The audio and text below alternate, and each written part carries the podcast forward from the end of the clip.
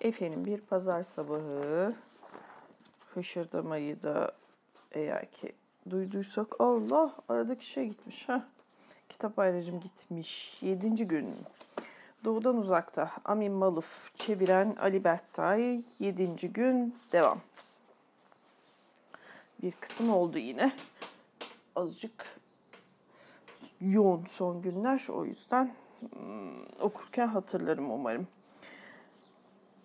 Adam günlüğünde 26 Nisan Perşembe gününe dün gece hem tahmin edilebilir hem de şaşırtıcı bir rüya gördüm diye başlayacaktı. Murad'ın evindeydim. İtalya'ya geçtim. Murad'ın evindeydim. Tıklım tıklım doluydu. Herhalde dün olduğu gibi. Ama ben kalabalığı yarıp geçmiş, arkadaşlarımın beni bekledikleri bir sal- salona sığınmıştım. Murat, Tanya, Semi, ve yaldızlı bol bir elbiseye sarılmış Olimpos'un tepesindeki Zeus gibi görkemli tahtına kurulmuş Bilal oradaydı. Yüzü gür ve kızıl bir sakalla kaplıydı. Bir kadın sesi kulağıma fısıldıyor. Ne kadar değişmiş. Böbürlenerek yanıtlıyorum. Bana haber vermişti. Sonra gülerek arkadaşlarıma sesleniyorum. Dışarıdaki insanların hepsi bizi ölü sanıyor. Tabii ki rüyam çok daha kaotikti. Anlatırken onu bir düzene soktum, akılcılaştırdım. İçinde bana tanıdık gelen malzemelerle yerler, yüzler, kelimeler ve renkler onu bir anlamda yeniden oluşturdum. Bu malzemelerin hepsi benim yaşadığım ve belleğime nüfuz etmiş sahnelerden geliyor. Geç saatte ölü evine yaptığım ziyaret, dönüş yolunda Semi ile sohbetim ve Bilal'le eline silah alıp ölmesinden kısa bir süre önce birbirimize çok yakınken yaptığımız çeyrek yüzyıllık konuşma. Çene çalarak yaptığımız o uzun gezintilerden özellikle de birinden belleğim beni yanıltmıyorsa sonuncusundan daha önce söz etmiştim. Sağnak yağmur altında sona eren bu yürüyüşte Bilal Tanrı hakkında şöyle haykırmıştı. İşte güzel bir meslek.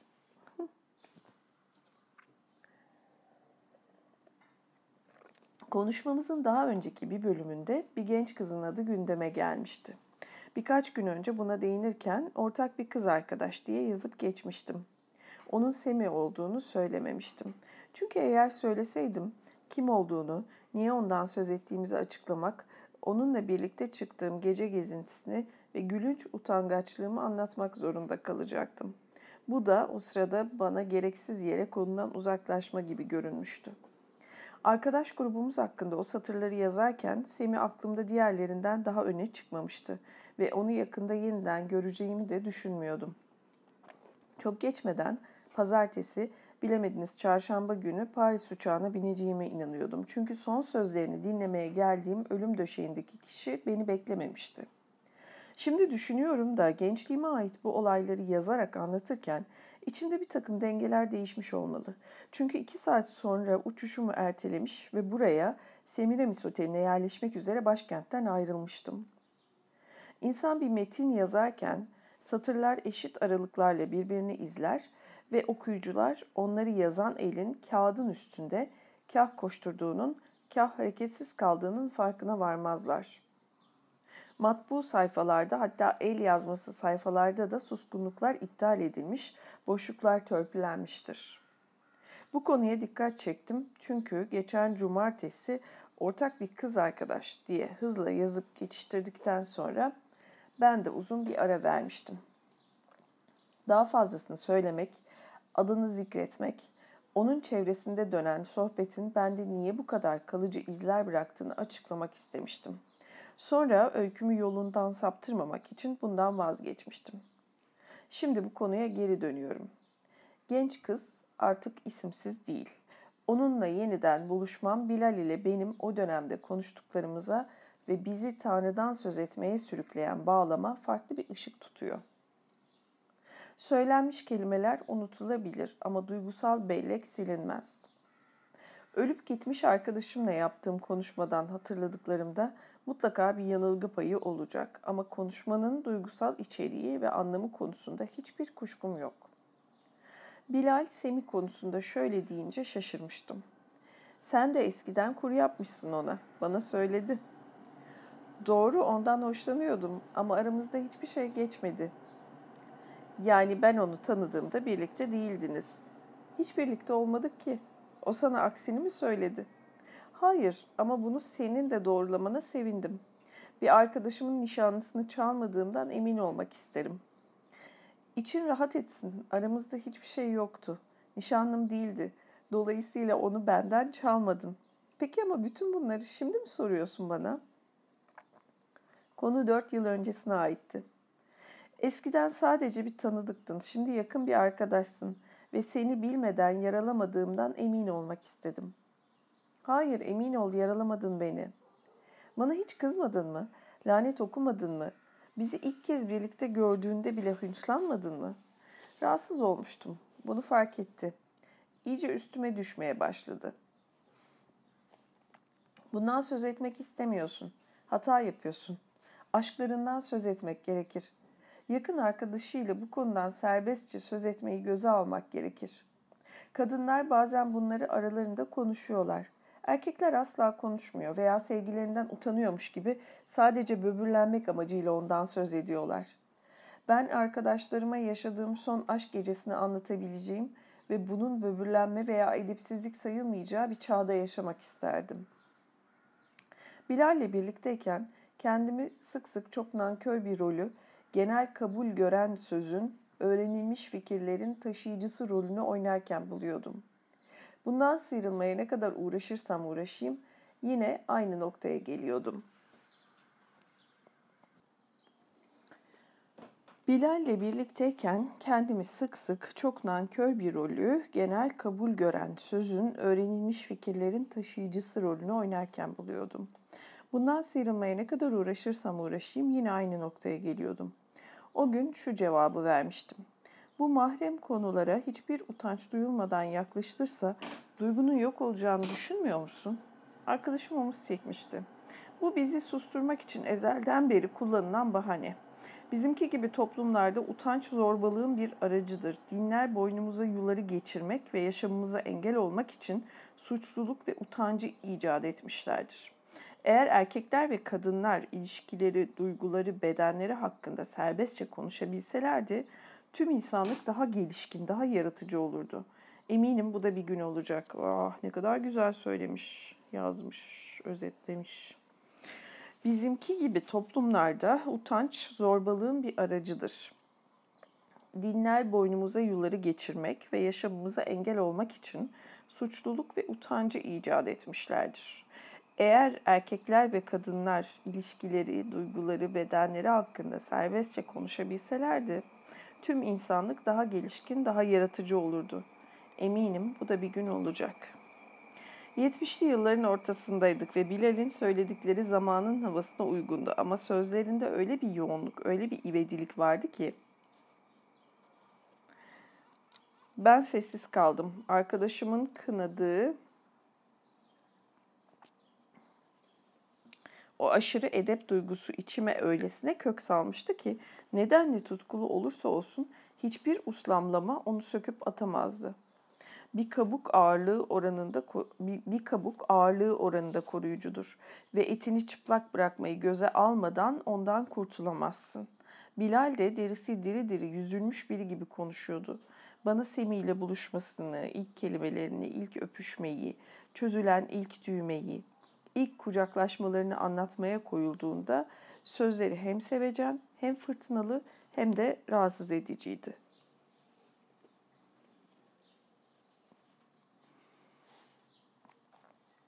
İlginçtir, Bilal'in beni aşağılamaya çalıştığını bir an bile düşünmedim. Düşünebilirdim. Sonuçta bu genç adam benim hayalini kurduğum ama cesaret edemediğim şeyi yapmıştı. Ama onun nasıl bir ruh hali içinde konuştuğunu gayet iyi hissediyordum. Onda bana yönelik ne alaycılık, ne tepeden bakma ne de böbürlenme vardı. Sadece adap ve kuralları sarsan suç ortaklığına açık bir arkadaşlık isteği vardı. Sarsıntı hissetsem bile beni sarsan bir dost eliydi. Sohbetin bir yerinde aynı kıza asıldığımıza sevindim demişti. Ben de bunu gerçekten düşündüğümden değil de daha çok onun suyuna gitmek için evet güzel bir rastlantı demiştim.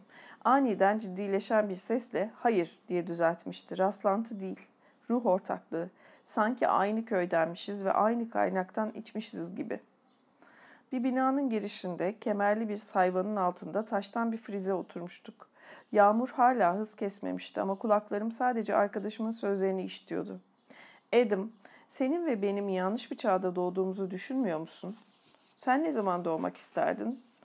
100 yıl, 200 yıl sonra. Bu Adam da tavşan boku gibi ama. Bak bak soru soruyor. Ya soruyu ya çeviriyor, eviriyor ya öyle katılmış gibi gözüküyor. Bir şey bir şey yani. Böyle efendi gibi bir fikir ancak yazarak şey yapabiliyor kendini.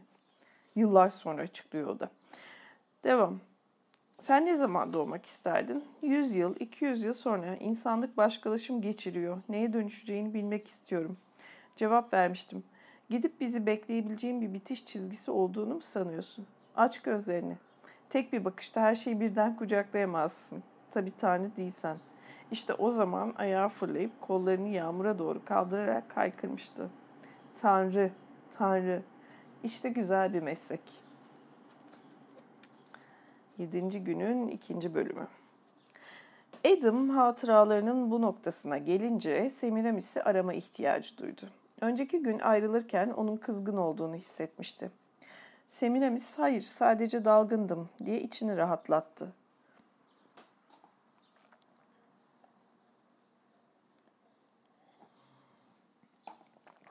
Affedersin, nazik davranmadım. Bilal'den söz ederek mi? Canını sıkma, o artık tarih oldu. Bu kelimeleri ağır bir suskunluk izlediğine göre söylediği pek doğru sayılmazdı. Zaten o da çok geçmeden bunu kabul etti. Hayır, doğru değil. Yalan söylüyorum. Bilal hiçbir zaman tarih olmayacak. Onun adı yanımda ne zaman anılsa duyarsız, ilgisiz kalamam. Ama bu da ondan söz etmemek için bir neden değil. Beni idare etmeni, bana kırılgan etiketi yapıştırmanı istemiyorum. Beni yaralayacak tek şey senin gibi bir dostun beni incitebilecek konulardan sakınmayı görev bilmesi olur. Senden ıstırap çekebileceğimi düşünsem bile bana ebedi nekahat dönemi yaşayan bir hasta gibi davranmamanı rica ediyorum. Söz mü? Adam bunu kabul ettiğini göstermek ister gibi söze girdi. Kafamı sürekli kurcalayan bir soru var. Bilal'in eline niye silah aldığını hiç anlayabildin mi? Politikaya merakı yoktu, savaşı lanetliyordu ve farklı hizplere de fazla saygı duymuyordu. Telefonun diğer ucundan uzun bir iç çekiş geldi. Bunun yeni bir sessizlik istedi. Adam arkadaşının ricasını fazla mı ciddiye aldığını sordu kendine ama kadın sonunda cevap verdi. Bana bu soruyu sormakta haklısın ama cevap basit değil. İstersen başka zaman konuşalım. Hayır, odanda mısın? Kımıldama bir, kımıldama bir yere geliyorum. Birkaç dakika sonra kapıyı çaldığında gözleri kızarmıştı ve Adam bu yüzden pişmanlık ve utanç duydu. Affet beni Semih, böyle olsun istememiştim. Kadın onu bir, el, bir kadın onu bir el hareketiyle susturdu ve Hint hurmasından yapılmış bir koltuğa oturdu. Sonra Adam'a bakmadan "Biliyorsun biz birbirimizi çok seviyorduk." dedi. "Evet, tabii ki biliyorum." Savaşta ölenlerin hiçbiri Bilal'le aynı nedenlerden ölmemiştir. Onu edebiyat öldürdü. Onun kahramanları Orwell, Hemingway, Malroy'du. İspanya İç Savaşı'na katılmış yazarlardı. Kaynakları, modelleri onlardı. Onlar da nabızlarını çağın nabzına uydurabilmek için bir süreliğine ellerine silah almışlardı. Görevlerini tamamladıktan sonra da yurtlarına dönüp yaşadıklarını yazmışlardı. Katalonya'ya selam, Çanlar kimin için çalıyor, Umut. Bu kitapları birlikte okumuştuk. Bilal barikatta omzuna makineli tüfeğiyle beklerken eminim önündeki çatışmaları değil yazacağı kitabı düşünüyordu. Ben korkuyordum en başından beri ama bu da kahraman imgeleminin bir parçasıdır. Eşi veya annesi veya nişanlısı kahramana gitmemesi için yalvarır. Ama onun gözü vazifesinden başka bir şey görmez. Ben modern bir sevgili olarak diğerlerinden daha kurnaz olduğumu düşünüyordum. Onunla aynı kitapları okuyor, düşlerine ortak oluyordum. Bu da bana şunu söyleme hakkı veriyordu. Burası 30'lu yılların İspanyası değil. Orada insanlar idealleri için savaşıyorlardı. Bizde eline silah alanlar mahalle serserilerinden başkası değil. Kasıla kasıla dolaşıyorlar. Ortalığı haraca kesiyorlar, yağmalıyorlar, kaçakçılık yapıyorlar. Bazen bana hak veriyor, bazen de insan maziyi idealize ettiği için kendi zamanını hep küçümser. Kendimi 1937 Barcelona'sında cumhuriyetçi, 1942 Fransa'sında direnişçi veya Che'nin yoldaşı olarak hayal etmem kolay. Ama benim hayatım şimdi ve burada geçiyor. Ben seçimimi şimdi ve burada yapmalıyım. Ya bir tarafa olmayı göze alacağım ya da işin dışında kalacağım. Çağını ıskalamaktan ve bu yüzden yazma hakkını yitirmekten korkuyordu. Yoğun, tutkulu bir yaşam sürememekten korkuyordu ve aşkımız ona yetmiyordu. Yoğun, tutkulu bir yaşam sürememekten korkuyordu. Evet. Evet. Sustu. Buruşturup top haline getirdiği mendiliyle gözlerini sonra da dudaklarının kenarlarını sildi. Onu edebiyat öldürdü. Ne kadar kuvvetli bir cümle. Onu edebiyat öldürdü. Bir yandan edebiyatın, kitapların iyileştirici gücü. Bir yandan da o hayallere kaptırdığın zaman evet, evet yani edebiyat öldürebilir.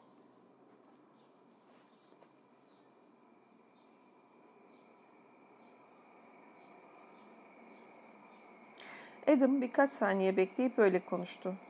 Kendime hep sorduğum bir başka soruyu yanıtlamış oldum. Demek ki onun eline silah almasının nedeni aranızda yaşanmış bir kavga değildi.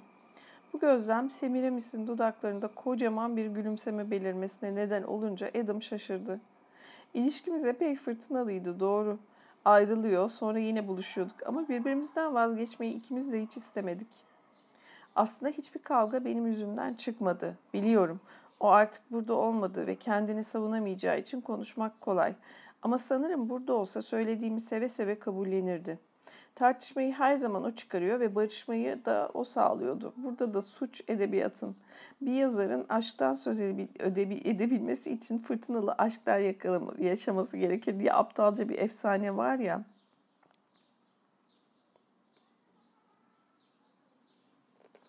Uf. Dingin bir mutluluk tutkuları törpüler ve hayal gücünü uyuştururmuş. Bullshit. Mutlu halkların tarihi, mutlu çiftlerin de edebiyatı olmazmış. Tam bir saçmalık. Sonuçta biz ikimiz için ne mutlu çift ne de edebiyat kaldı geride. Uf. Evet ama evet evet ama mutluluğun yazacağın çok da fazla bir tarafı yoktur o kadar öyle fırtınalı aşklar, sorunlar gibi.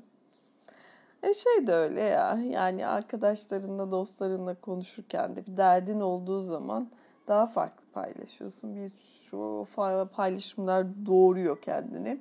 Mutluluk bir yerde kısır kalabiliyor. Mutluluktan ee, ve mutluluk paylaşılmaz diye hatta geçirdim ben geçenlerde bir ara. Mutluluğun paylaşılması zor.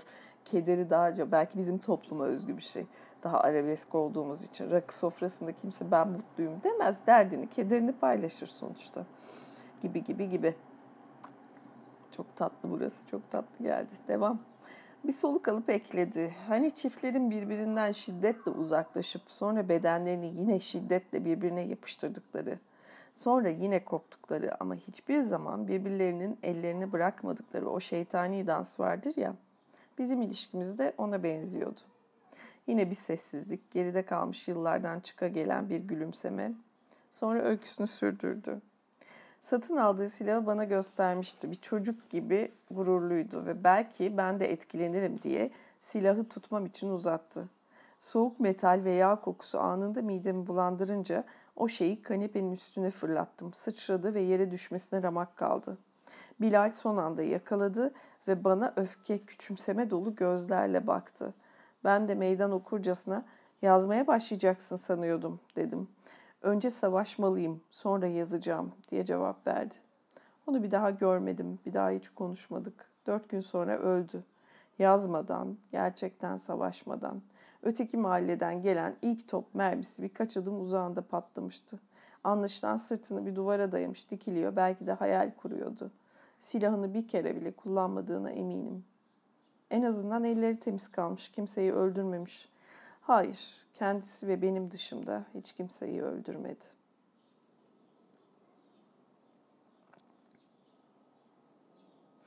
Arkadaşı odadan ayrıldıktan hemen sonra Adam İtalya'ya geçiyor burada. Bu hatıraların Semih'i sarstığı belliydi diye yazdı. Ama düşününce ona geçmişindeki yaşanan travma benim ve diğer arkadaşların üzerinde asla ondaki kadar yıkıcı bir etki bırakmasa da ortak geçmişimizdeki demek daha doğru olur. Bu olaydan söz ettiğim için pişman değilim. Berrak ve gururlu kelimelerle Bilal'in ölüme gitmesini engellemek için elinden gelen her şeyi yaptığını bana söylemesine fırsat vermek önemliydi. Bütün bunların ondaki hüznü ve sevdiklerini kaybetmekten kaynaklanan kaçınılmaz suçluluk duygusunu yok etmeyeceğini biliyorum.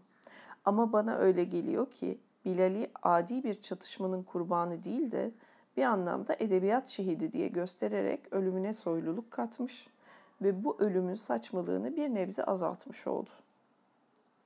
Bilal'in İspanya İç Savaşı'na hayranlığı konusunda söyledikleri merakımı uyandırmıştı. Gerçi Bilal ve ben bu konudan sık sık söz ederdik ama Vietnam, Şili veya uzun yürüyüşün önüne geçmezdi. Bu olayın onda böylesine bir saplantı haline geldiğini, ikinci bir Hemingway, olmayı düşlediğini bilmiyordum. O ve ben yaptığımız yürüyüşlerde İspanya İç Savaşı konusunda daha çok Garcia Lorca'nın anısından bahsederdik. O bu savaşın ilk kurbanlarından biriydi ama eline asla silah almamıştı. Bununla birlikte Semi ile sevgilisi arasındaki son kavga o sırada arkadaş grubumuz içinde aynı konu etrafında yaşanan tartışmalarla da bağlantısız sayılmazdı.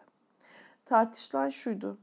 Ülkemizi karıştıran çekişmeler, kabileler, aşiretler, işin doğrusu farklı serseri çeteleri arasındaki çatışmalarla mı sınırlıydı? Yoksa daha geniş bir boyutları, ahlaki bir içerikleri var mıydı?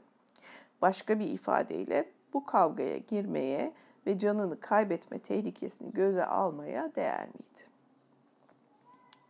Hayatımızın o evresinde İspanya İç Savaşı yapılmış çeşitli zulümlere karşın bize gerçek bir davası, gerçek bir etik boyutu olan ve insanın kendini feda etmesine diyecek örnek çatışma olarak görünüyordu.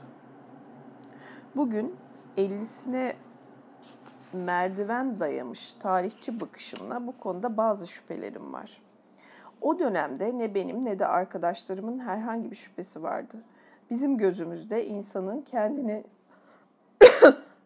feda etmesine diyecek diğer tek kavga Nazizme karşı direnişti.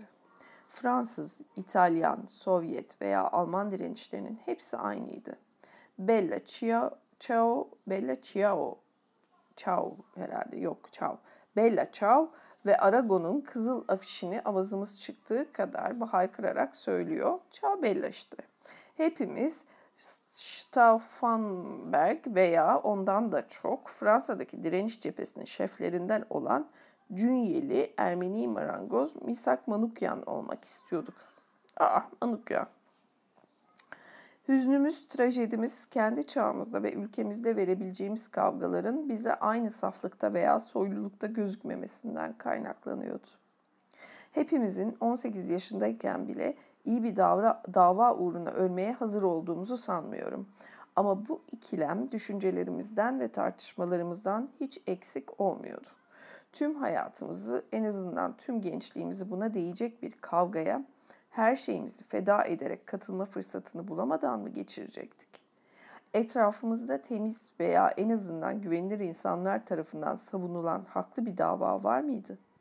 Ben kendi payıma bundan kuşkuluydum.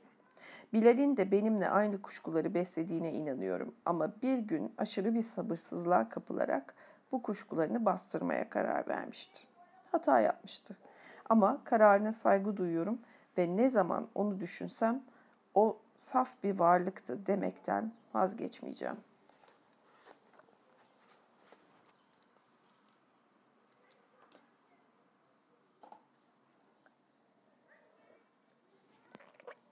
Üç. Yedinci gün. Üçüncü bölüm. Kaç bölümmüş yedinci gün? Dört var. Beş var. Altı var. 7 var. 7. 7 bölmüş. Evet. 197. sayfadayım. Kitabın ortalarında falan. Evet. 450 sayfa. 3. Devam. Bu son sözleri ikinci veya üçüncü kez tekrarladığının farkına varan Adam Defterini kapattı, bilgisayarının kapağını açtı ve yakın gelecekle ilgili bambaşka bir konuda önceki gün Seminemis'te yaptığı konuşmanın etkisiyle bir mesaj yazmaya başladı. Sevgili Naim, sanki son mektubum yeterince uzun değilmiş gibi sana yeniden yazıyorum. Ama sana neden bu kadar çabuk yeniden mesaj attığımı anlayacaksın. Dün sana da haber verdiğim gibi Murad'ın köyüne Tanya'ya başsağlığı dilemeye gittim. Haliyle üzgün, bitkin ve sinirleri tükenmiş durumda. Ayrıca herhalde kocasının da son günlerinde olduğu gibi arkadaşlarından uzak kalmak ona çok dokunmuş. Yine tasarladığımız buluşmadan söz açtı. Eğer bu tasarı suya düşerse çok incineceğini sanıyorum. Öyle heyecanlıydı ki az daha senin onay verdiğini ve hatta onda eski evde buluşmamızı arzu ettiğini söyleyecektim. Ama kendimi tuttum. Hiçbir şey demedim. Hayal kırıklığına uğrayabilecek bir beklenti yaratmak istemedim. Önce bu buluşmanın gerçekleşeceğinden emin olmak istiyordum. Şu ana kadar senin dışında bir tek kişiye yazdım. O da Albert. O da bana ülkemizin hala Amerikan yurttaşlarının ziyaret etme hakkına sahip olmadığı yerler listesinde bulunduğunu hatırlattı. Mesleki statüsü nedeniyle Albert bu yasağa uymak zorunda. O da buluşmak istiyor ama bunun başka bir yerde, örneğin Paris'te yapılmasını öneriyor. Sen hem buluşma hem de yer konusunda hiçbir çekince göstermeden hemen onayını vermiştin ve bunu öğrenmek Tanya'nın çok hoşuna giderdi. Yine de bunun tüm sonuçlarını özellikle de güvenlik konusunda düşündüğünden emin olmak istedim. Bu noktayı açıklığa kavuşturmak üzere sana yeniden yazıyorum. Semi'ye göre onun yanında muhteşem Semiramis Oteli'nde kaldığımı sana söylemiş miydim? Hem ben hem de Albert bir hiç yüzünden kaygılanıyoruz. Bizim ülke as, bizim ülke asıllı Amerikan yurttaşlarının yasa sürekli derdiklerini ve ne burada ne de ABD'ye döndüklerinde bu yüzden herhangi bir sıkıntıyla karşılaştıklarını söylüyor. Aynı şekilde senin içinde hiçbir tehlikenin söz konusu olmadığı kanısında.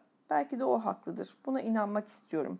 Muhtemelen ne Albert'in pasaportu ne de senin dinin en küçük bir soruna bile neden olmayacaklardır. Ama bilgi sahibi olabilmen, düşünebilmen ve kararını her şeyi bilerek alabilmen için endişelerimi seninle paylaşmak istedim. 40 dakika sonra Brezilya'dan, halbuki orada saat sabahın altısı bile değildi, Naim'in şu cevabı geldi. Sevgili Adam, kaygılarını anlıyorum ama pek haklı bulmuyorum. Benim açımdan hiçbir tehlike yok. Brezilya pasaportumla geleceğim, anavatan havasını solumaya gelen göçmen kalabalığına karışacağım ve kimsenin de dinimi bilmesine gerek yok. Tek sorunum annemle olacak. 86 yaşına girdi ve nereye gittiğimi bilirse kalbi durur. Bu yüzden ona yalan söyleyeceğim. Onu Yunanistan'a gittiğime inandıracağım. O da benden güneş çarpmasın diye başıma şapka giyeceğim sözünü alacak. Hayır, böyle bir yolculuktan kendimi niçin mahrum edeceğimi anlayamıyorum. Yıllardır böyle bir fırsat bekliyorum ve bunu kaçırmayacağım. Tabii ki arkadaşlarımı yeniden görmek istiyorum. Her yaz oraya giderdik. Ve sakin bir odaya ihtiyaç duyduğumda kız arkadaşlarımı da oraya götürürdüm. Bugün kızımın Rio Üniversitesi'nde okuyan erkek arkadaşı her hafta sonunu her hafta sonunu gelip bizde Sao Paulo'da geçiriyor. Evde uyuyor ve sabah bizimle kahvaltı sofrasına oturuyor. Bu durum adetlerimizin öyle bir parçası oldu ki annem bile bunu tamamen normal, eşyanın tabiatına uygun, ezelden beri böyleymiş gibi karşılıyor. Halbuki kız kardeşimi sadece bir oğlanın kulağına bir şeyler fısıldarken görse azarlayıverirdi. Biz erkek çocuklar o kadar denetim altında değildik ama hatırlasana sürekli kurnazlık yapmak, gizlenmek zorundaydık ve Cebel'deki o evde benim gizli sığınağımdı. Gençliğimin geçtiği bu yerleri tanınmaz halde bile olsalar tekrar görmek ve daha genel anlamda istemeyi istemeye terk ettiğim, dönmeye içimden sürekli söz versem de bir daha ayak basamadığım bu ülkeye tekrar kavuşmak beni çok mutlu edecek.'' Başlangıçta savaş, pusu kurmuş nişancılar, güvensizlik ve kaçırılma korkusu vardı. Daha sakin dönemler geldiğinde ben fazla meşguldüm. Zaman geçtikçe bunaltım artıyordu ve havaalanına indiğimi, bir taksiye atlayıp çeşitli mahalleleri dolandığımı tasavvur edemez olmuştum. Artık bunu düşünemem. Artık bunu düşün... Eh, artık bunu düşünmemem, sayfayı çevirmeyi bilmem gerektiğini ve zaten benim için en değerli insanların hemen hepsinin ya başka ülkelere ya da öteki dünyaya göç ettiklerini söyleme noktasına gelmiştim. Yine de istek sürdü ve sen bana bu eski arkadaşlar toplantısını önerdiğin zaman bu uzun yokluğu bitirmek için en uygun fırsat olduğunu hemen hissettim. Senin de algıladığın coşkun ve acelem buradan geliyor. Kısacası ben kararımı verdim. Ajandama aşağı yukarı hükmedebildiğim için tarihi saptama işini sana bırakıyor ama bunun yakın bir tarih olmasını umuyorum. Yakında Avrupa'ya gideceğim ve belki iki yolculuğu birleştirebilirim. Albert'e gelince onu yeniden görmeyi çok isterim ama onu fazla sıkıştırmamanı tavsiye ediyorum. Eğer isterse yasağa delebileceği doğru çünkü bu yasak esas olarak herhangi bir problem çıktığında Amerikan makamlarını her türlü sorumluluktan uzak tutmak için kondu. Ama riskleri ölçüp biçmek ona kalmış. Sen bir görüş ileri sürmeden bu konudaki çeşitli bakış açılarını ona aktar ve bırak kendisi düşünsün. Fikir de değiştirebilir pekala. Kuzey Amerika'daki arkadaşını sıkıştırmaktan veya rahatsız etmekten kaçınmak için Adam onun adresine de şu mesajı gönderdi.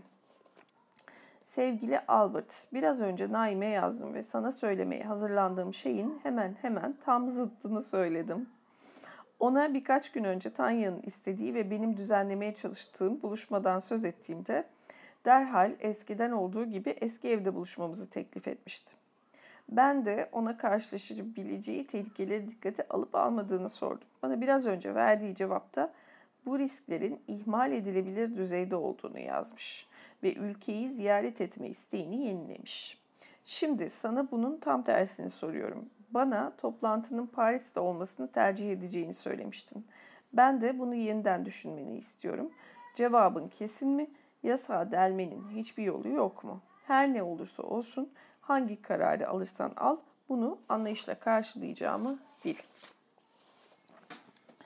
Dördüncü bölüm.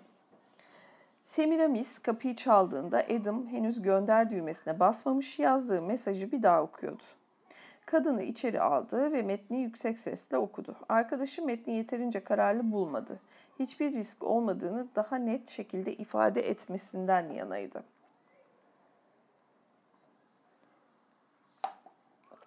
Adam bir an duraksadı ama sonunda mesajı ayıp olmasın diye küçük bir düzeltme yapıp olduğu gibi gönderdi. Sonra bilgisayarının kapağını indirip misafirine seni dinliyorum dedi. Öğle yemeği yemeği niyetin yok sanırım. Saatine baktı. 12'yi çeyrek geçiyordu. Hayır daha çok erken. Hiç acıkmadım. Çalışmaya devam edeceğim. Ben o zaman sana ufak tefek bir şeyler göndereyim de yazmaya ara vermeden atıştır. Ama Semiramis başka bir şey için gelmişti. Söze devam etti. Daha sonra akşam üstüne doğru senin için bazı planlarım var. Birini ziyaret edeceğiz. Kimseyi görmek istemediğini biliyorum ama bence Frer Bazil için bir istisna yapabilirsin. Adam tam bu şahsın kim olduğunu soracaktı ki arkadaşının hızır gülümsemesinin verdiği ipucuyla birden vazgeçti. Ramzi, ta kendisi. Tarikata girerken bir takma isim aldığını biliyordum. Hayır, uygun kelime bu değil. Nasıl deniyordu hakikaten? Unuttum birden. Ne takma isim, ne lakap, ne kod adı. Sadece dindeki ismi deniyor. Ramzi, virgül, dindeki ismi Frer Bazil. Evet, tabii. Aklım başka yerde. İzni buldun demek. Nerede olduğunu hep biliyordum. Peki hiç ziyaret ettin mi onu? Hayır, cesaret edemedim. Keşişlerin arasında güzel bir günahkar bir kadın pek iyi karşılanmazmışım gibi geldi bana. Demek o altüstlüğün ardından onu hiç görmedin. Peki bizi kabul edeceğini nereden biliyorsun? Bilmiyorum. Ama bana öyle geliyor ki seninle birlikte kapısını çalarsak bize kapıyı açar. Buradan uzak mı? İki saat, belki biraz daha az çeker. Arabayla bir buçuk saat gideceğiz. Sonra 20 dakikada yürüyeceğiz. Adam'ın duraksadığı belliydi. Semiramis'in yüzünde yine o çocuksu muzip gülümseme belirdi. Bana güven, her şey yolunda gidecek hissediyorum. Ama arkadaşı pek ikna olmamıştı. Dünyadan elini eteğini çekmeye karar vermiş bir arkadaşa böyle baskın verilmez. Yanlış adım atmamak için biraz hazırlanmak gerek. Önce birisiyle konuşmak istiyorum. Ramiz'le herhalde. Semiramis gülümsedi, Adam da ona katıldı. Gerçekten de aklından geçen arkadaş oydu. Üniversitede Ramiz ile Ramzi ayrılmaz bir ikiliydi ve her ikisi de Bizanslılar Kulübü diye anılan topluluğa dahil olmakla birlikte onun içinde ayrı bir parça oluşturuyorlardı. Diğerlerinin çoğu edebiyat, tarih, sosyoloji öğrenimi görürken Onlar inşaat mühendisliği bölümündeydiler ve diğerleri Fransız okullarından mezunken onlar İngiliz kültürüyle yetişmişlerdi. Ramslar diplomalarını aldıktan sonra ikisinin birden ismini taşıyan bir mühendislik bürosu kurmuşlardı. Semiramis kuşkucu bir ifadeyle tabii geriye keşiş ile mühendisin arası hala iyi mi onu bilmek kalıyor dedi.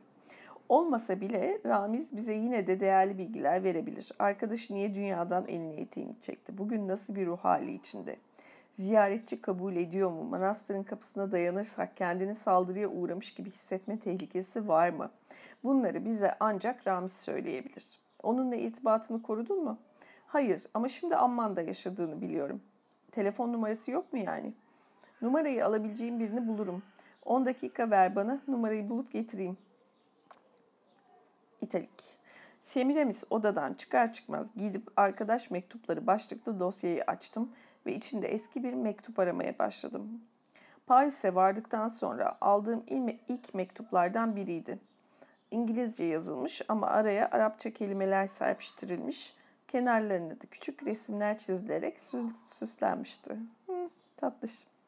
Sevgili Adam bu mektubu sana birlikte yazıyoruz. Ramiz ile ben İtalik devam. Bu satırları kopya ederken 25 yıl önce ilk okuduğumda da olduğu gibi kendimi gülümsemekten alamadım. Halbuki iki ortak bana üzücü şeyler anlatıyorlardı. Denize bakan, boydan boya camlı muhteşem bir modern binanın son katında bir büro kiralamıştık. Geçen ay başında büroya girdik. Ertesi haftada mobilyalarımız geldi. Ayın 12'sinde cumartesi akşamı küçük bir parti vermeyi planlamıştık. Akşam üstüne doğru mahallede silahlı bir çatışma patlak verdi. Sokaklar tutuldu. Hiçbir konuk gelemedi. Kocaman tuzlu kanepe ve pasta tepsileri ve aklına gelebilecek her türlü içkiyi getirtmiştik. İki garson gelecekti ama onlar da gelemedi. Saat 7'ye doğru silah sesleri şiddetlendi. Hemen yakınımızda top mermileri patlamaya başladı ve büronun camları paramparça oldu. Bu çılgınlığın yatışmasını beklemek için Bodrum'a sığınmak zorunda kaldık. Geceyi o ışıksız sığınakta açılışımıza davet ettiğimiz komşularla birlikte yerde yatarak geçirdik. Nezaket gereği hepsini partiye çağırmıştık ama hiçbiri binanın mermileri en açık yeri olan 8. kata kadar çıkmayı akıllıca bulam bulmamıştı. Sabah yeniden büroya çıktık tabii ki merdivenden çünkü elektrik, elektrikler kesilmişti.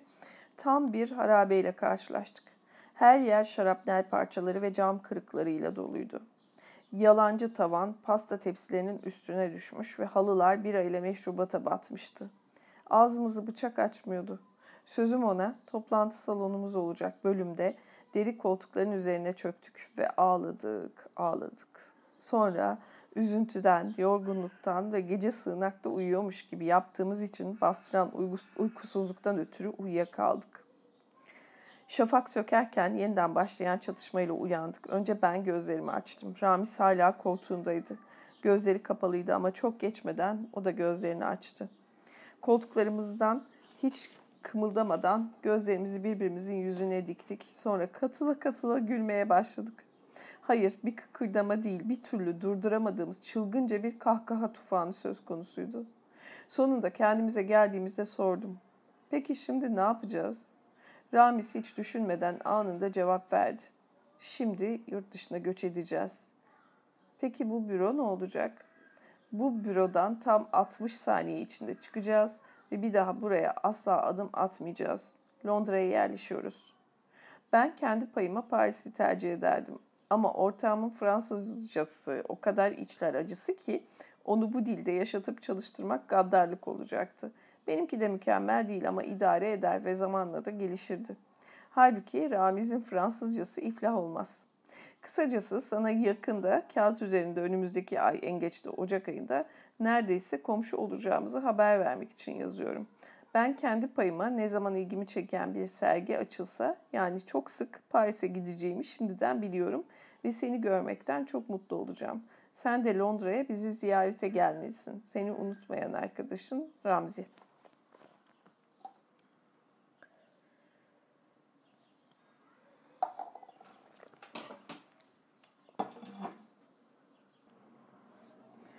Mektup başka bir elden çıkmış birkaç satırla sona eriyordu. kendine dikkat et ve ortağımın anlattığı her şeye inanma. Benim Fransızcam mükemmel. Sadece onu eskitmek istemediğim için kullanmaktan sakınıyorum.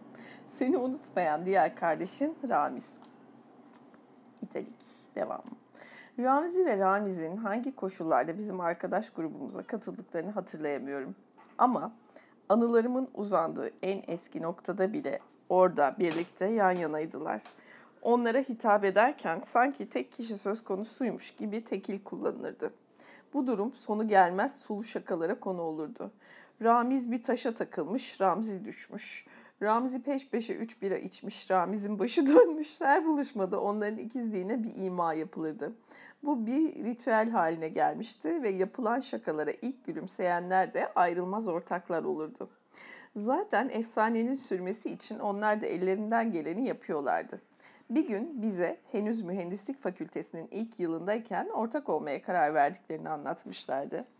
Bu bir yeni yetme sözüydü ama tutmuşlardı. İlk ortak büroları yıkıldıktan sonra da bir yenisini açmışlardı.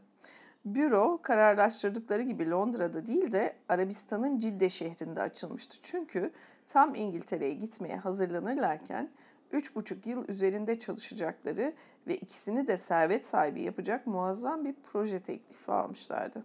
Sonunda Londra'da da bir şube açacaklardı ama bu Lagos, Amman, Dubai veya Kuala Lumpur'dakiler gibi sadece bir şube olacaktı. Semiramis numarayı bulur bulmaz Adam Ramiz'i aradı. Cevap veren kadın sesi hemen kaygısını yatıştırdı. Hayır, yanılmamıştı. Bu Ramiz'in cebiydi, kendisi de onun asistanıydı. Patronu kuzenlerinden birinin ameliyat geçirdiği bir hastaneye ziyarete gittiği için cep telefonunu kendisine bırakmıştı. Adam kendini tanıttı ve Lina adındaki asistan onun sesini duyduğuna çok memnun olduğunu söyledi. Patronu kendisinden çok söz etmişti. Konuşmanın başlarında Adam'ın Paris'ten aradığını düşünüyordu. Nerede olduğunu öğrenince karşıdan neredeyse bir çığlık yükseldi. Güzel bir rastlantı sonucu o gün Ramiz de oradaydı. Sizi görmeden oradan ayrılmak isteyeceğini sanmam. Saat 3'e doğru uçağa binip Amman'a gelmeyi planlamıştı. Ama yola çıkışını eminim erteleyecektir. Henüz öğle yemeği yemediniz umarım. Hayır, henüz yemedim. Eğer müsaitseniz size hemen bir araba gönderiyorum. Böylece birlikte biraz zaman geçirebilirsiniz. Adam hazırlıksız yakalanmıştı. Emin misiniz? Ona bir sorsanız daha doğru olmaz mı? Değmez. Böyle bir sürprize çok sevineceğine eminim. Bana da bu beklenmedik öğle yemeğini düzenlediğim için müteşekkir olacaktır. Bana sadece bulunduğunuz adresi bildirin yeter. Geri kalanını ben hallederim. 5. bölüm. Adam metalik renkli bir Mercedes'le deniz kıyısındaki eski bir Osmanlı evine götürüldü. Ev İtalyan restoranına dönüştürülmüş ve Nessun Dorma adı verilmişti. Kapıyı Osmanlı evi ve İtalyan restoranına dönüştürülmüş peki. Kapıyı eğilerek açan görevli kimin konu olduğunu bile sormadan onu ikinci kata çıkardı. Arkadaşının geldiğini gören Ramiz ayağa kalktı ve elini var gücüyle sıktıktan sonra İngilizce konuştu. Hiç değişmemişsin bölümlerini atlayalım istersen. Adam da ona aynı dilde cevap verdi. Haklısın hemen yalan söylemeye başlamayalım. Gülerek üzerine muazzam bir deniz mahsulleri tepsisi yerleştirilmiş yuvarlak masaya oturdular ve önce sessizce birbirlerini gözden geçirdiler. Her ikisi de değişmekle birlikte bu aynı şekilde olmamıştı. Adam'ın saçları kırlaşmış ama bedeni inceliğini korumuştu. Bir gençlik fotoğrafına bakılarak da kolayca tanınabilirdi. Ramiz şişmanlamış ve kalın, geniş gürlüğü içinde zarif bir İngiliz albayı bıyığı bırakmıştı. Saçları açık kır, bıyığı ise ilginç bir şekilde simsiyahtı. Arkadaşı onunla sokakta karşılaşsaydı tanıması bir hayli zaman alırdı. Çok tatlı ve müthiş etkili bir asistanın var. Lina her türlü vasfa sahiptir. Onu gibi bir asistanım olduğu için şanslıyım. Daha bir saat önce seninle iki çift laf etmek için izin nasıl bulacağımı düşünüyordum. Şimdi ise birlikte yemekteyiz. Mucize gibi bir şey. Seni yeniden gördüğüme ne kadar sevindiğimi tahmin bile edemezsin. Belki talihsiz Murad'ın da bizim bir araya gelmemizde biraz payı var. Ben bu sabah başsağlığına geldim. Dün Atina'da bir toplantım vardı. Cenazeye katılamadım. Dediklerine göre binlerce insan varmış. Ben de cenazeye katılmadım. Halbuki biraz da bunun için gelmiştim. Murat'la olan uzun süreli bozuşmasını ölüm yatağındaki adamdan Cuma günü Şafak'la gelen telefonu eski arkadaşını ölürken üzmemek için yolculuğa çıkmaya karar verişini Son olarak da cenazeye katılma konusundaki tereddüdünü birkaç kelimede özetledi. Ramiz onu rahatlattı. İşin asıl önemli tarafını yapmışsın. Seni arayınca aranızdaki anlaşmazlığı bir kenara bırakıp yanına koşmuşsun. Cenazeden sonra da gidip Tanya'yı öpmüşsün. Vicdan, vicdanı rahat olsun. Bir an sustu sonra bu kez Arapça devam etti. Ben Murat'ın güzergahını biraz takip ettim ve onunla ilişkini kesmeye karar verişini anlıyorum. Mesleğimde sürekli olarak servetini kötü yollardan edinmiş insanlarla iş görmek zorunda kaldığım için aynı tepkiyi göstermedim ama onun hakkında seninle aynı yargıya vardım. Savaş sırasındaki tavrı çok sayıda insan tarafından paylaşılsa bile bizimkilerden birinden gelince bunu kabullenmek güç oluyor. Ne zaman Murat'tan yozlaşmış bir siyasetçi veya bir alçağın sağ kolu olarak söz edildiğini işitsem utanıyordum. Bizzat aşağılandığımı hissediyordum. Bununla birlikte arkadaşımızın özünde dürüst bir adam olduğuna ve trajedisinin de buradan kaynaklandığına inanıyorum. Serseriler serserilik yaparken kendileriyle barışıktırlar. Koşulların serserilik yapmaya ittiği dürüst insanlar ise vicdan rahatsızlığından ötürü kendilerini yiyip bitirirler. Murad'ı öldüren hastalığı, suçluluk duygusu, utanç ve pişmanlık yüzünden kendisini yarattığını düşünüyorum. Ama daha yeni toprağa verilmişken arkasından böyle konuşmamalıyım. Allah ona rahmet, merhamet etsin. Allah yerhamo. Başka şeyden söz edelim. Masaları yüksek ve gür bitkilerle, özellikle de bambularla çevriliydi. Oluşan paravana iç dökmeye elverişli bir mahremiyet duygusu yaratıyordu. Geniş salonun sağında solunda saksılara dikilmiş birkaç palmiye de vardı. Bunlardan birinin dibinde Metrdotel elinde, def Metrdotel elinde defteriyle bekliyordu. Ramiz onu bir el işaretiyle çağırdı. Önce iki büyük ordör tabağı alacağız. Benimki jambonsuz olsun. Ana yemeği seçtin mi Edim? Risotto üstünde barbunya ilgimi çekti. Mükemmel seçim. Ben de aynı şeyi alayım. Yanına beyaz şarap uygun mu? Ben istemem. Teşekkür ederim. Öğlenleri içmiyorum. Prensip olarak haklısın. Öğlen içmemek daha iyi. Ama bu özel bir gün. Buluşmamızı kutlamak için restoranın prosecco'sundan birer kadeh içelim. Metro Otel bu seçimi onayladı ve siparişi bildirmeye gitti. İki arkadaş hemen sohbetlerine, gülüşler eşliğinde hatıralarına geri döndüler. Özellikle Ramiz'in kahkahaları epey gürültülüydü. Ta ki bir cümlenin içinde Adam'ın ağzından Ramzi'nin adı çıkıncaya dek. Bu ismin ani bir etkisi oldu. Mühendisin bakışları karardı, sesi kısıldı.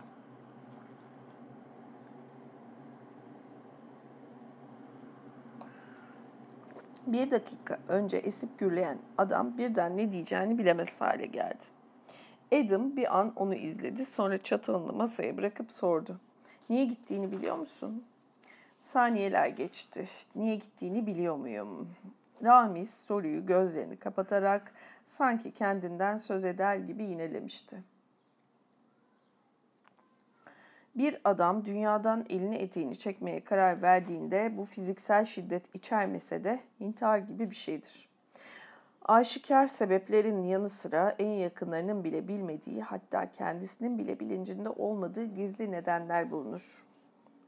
Belki de Adam'ın bu dolambaçlı cevapla yetineceğini umut ederek sustu. Ama Adam gözlerini onun yüzünden ayırmıyordu. O zaman Ramzi söze devam etti. Olan biteni bir cümlede özetleyecek olursam, onda yaptığı, hayatını vakfettiği her şeyin faydasız ve boş olduğu duygusu vardı. Bazen bir konuşmanın ortasında aniden durup bana bunu niçin yapıyoruz diyordu. Bu soruyla ilk karşılaştığımda büyük bir saray inşaatı projesi almıştık. Planlar üzerine eğilmiş dururken bana bu adamın 2000 metrekarelik yeni bir saraya niçin ihtiyacı olsun? Bildiğim kadarıyla zaten 3 sarayı var dedi. Gülümsüyordu. Ben de ona cevap vermeden önce gülümsedim. Aynı fikirdeyim ama o bir müşteri. Gerektiğinden fazla parası var. Her halükarda bu parayı har vurup savuracak. Bence bize versin daha iyi. Belki de haklısın dedi ve iş o kadarla kaldı. Ama bu türden gözlemleri giderek çoğalmaya başlamıştı. Ramiz aklını toplamak ister gibi sustu sonra devam etti. Arkadaşımız bize verilen projelerin amaçlarını sürekli olarak sorgulamaktan kendini alamıyordu. 20 kadar ülkede iş yapan bizimki gibi bir firma bin bir türlü şey inşa etmek zorundadır. Bir liman, bir havalimanı, bir alışveriş merkezi, bir turistik kompleks, bir müze, bir cezaevi, bir askeri üs, bir saray, bir üniversite vesaire. Tüm projeler aynı yararlılıkta olmadığı gibi aynı ahlaki gereklere de cevap vermezler. Ama bunları yargılamak bize düşmez öyle değil mi? Ben sinsi biri değilim ve Ramzi ile aynı değerleri paylaşıyorum. Ama bizim rolümüzün bu olmadığını düşünüyorum. Bir zorba için inşa ettiğin cezaevi belki bugün onun hasımlarını hapsetmek için kullanılacak. Ama yarın belki de zorba ile onun çevresi oraya kapatılacak. İlkesel olarak bir cezaevi inşa etmek reddedilemez. Dünyadaki ülkelerin hepsinde cezaevleri var. Her şey bunların nasıl kullanılacağına bağlı. Biz inşaatçıların rolü cezaevlerini biraz daha insani kılmak olabilir. Bundan fazla elimizden bundan fazlası elimizden gelmez. İnsanın 1837 çalışanı sorumluluğunu taşıdığı 1837 aile varsa her ay onlara ödeyeceği parayı bulmak zorundadır ve ahlak zabıtalığı rolünü üstlenme hakkını kendinde göremez. Haksız mıyım? Wow, 1837 çalışan. Uhu. Adam geldiğinde Ramiz'in sergilediği mutlu havadan geriye pek bir şey kalmamıştı. Şu anda kafasında itişip duran bin bir düşüncenin altında ezilmiş gibiydi. Hızla birkaç lokma yedi sonra devam etti. Sana anlattıklarım olayın sadece bir yönü. Bir de kadınlar, karılarımız var. Her şey bir peri masalı gibi başladı. Bir gün Dunya adında bir genç kızla tanıştım ve anında aşık oldum. Onu hemen Ramzi ile tanıştırdım. Kız onu zeki, komik, kültürlü buldu. Ramzi de ilk tanışmanın sonunda kulağıma eğilip onu elinden tut ve sakın bir daha bırakma diye fısıldadı. Dört ay sonra Ramzi de yanıma gelip aradığı ikiz ruhu bulduğunu haber verdi. Akıl karıştırıcı bir rastlantı. O kızın da adı Dunya'ydı. Sanki kader bize baya baya göz kırpıyordu. Düşünebiliyor musun? Ramzi ve benim adlarımız hemen hemen aynı. Fakültedeki ilk günümüzden beri birbirimizden ayrılmadık. Gece gündüz beraberiz ve birden bire karşımıza adaş iki genç kız çıkıyor. Kızı Dunya ile ve benimle tanıştırdı. Oldukça güzel bir kızdı ve sevimli görünüyordu. Ramzi'nin de ona aşık olduğu belliydi ve aynı gün evlenmeye karar verdik. Ve aynı gün evlenmeye karar verdik. Nikahın birlikte kıyılması imkansızdı. Çünkü Dünya ve ben şeyhin önüne çıkarken Ramzi ve onun dünyası kilisede evlenmek zorundaydı. Nikahlarını öz dayısı olan Cebel Psikoposu kıydı. Ama düğünü birlikte tertiplemeyi kararlaştırmıştık. Sen o sırada Fransa'ya gitmiştin ama ortak arkadaşlarımızdan çoğu Tanya ile Murat, Albert ve Semiramis düğüne katıldılar. Ne yazık ki karılarımızın sadece isimleri aynıydı. Benimki Ramzi'nin benim için nedenli önemli olduğunu hemen anladı. Beriki ise daha nikahın ertesi günü arkadaşlığımızı kıskanmaya başladı.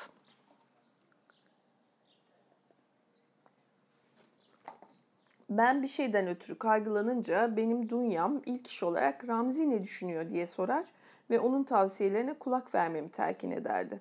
Onun gerçek bir arkadaş olduğunu, bu kadar şahsiyetli, zeki, bağlı bir ortağım olduğu için şanslı olduğumu hatırlatmak konusunda hiçbir fırsatı kaçırmazdı.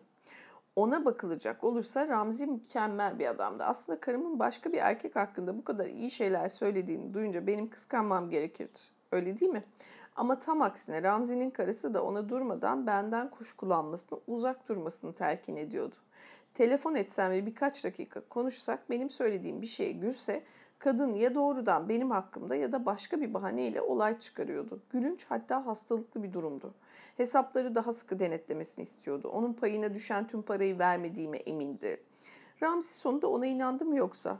Asla. Başlarda bana bunlardan hiç söz etmiyordu. Kederliydi ve utanıyordu.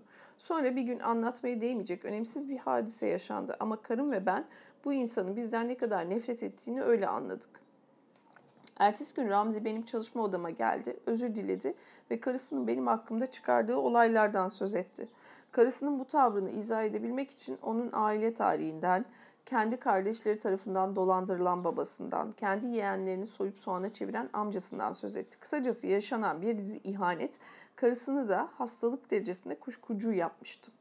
Ramzi zamanla kendini güvende hissedeceğinden ve tavrını değiştireceğinden emin olduğunu söyledi. Ben de evet tabii dedim ama buna inanmıyordum. Herhalde Ramzi de inanmıyordu. Herhalde acı çekiyordu. Çok feci.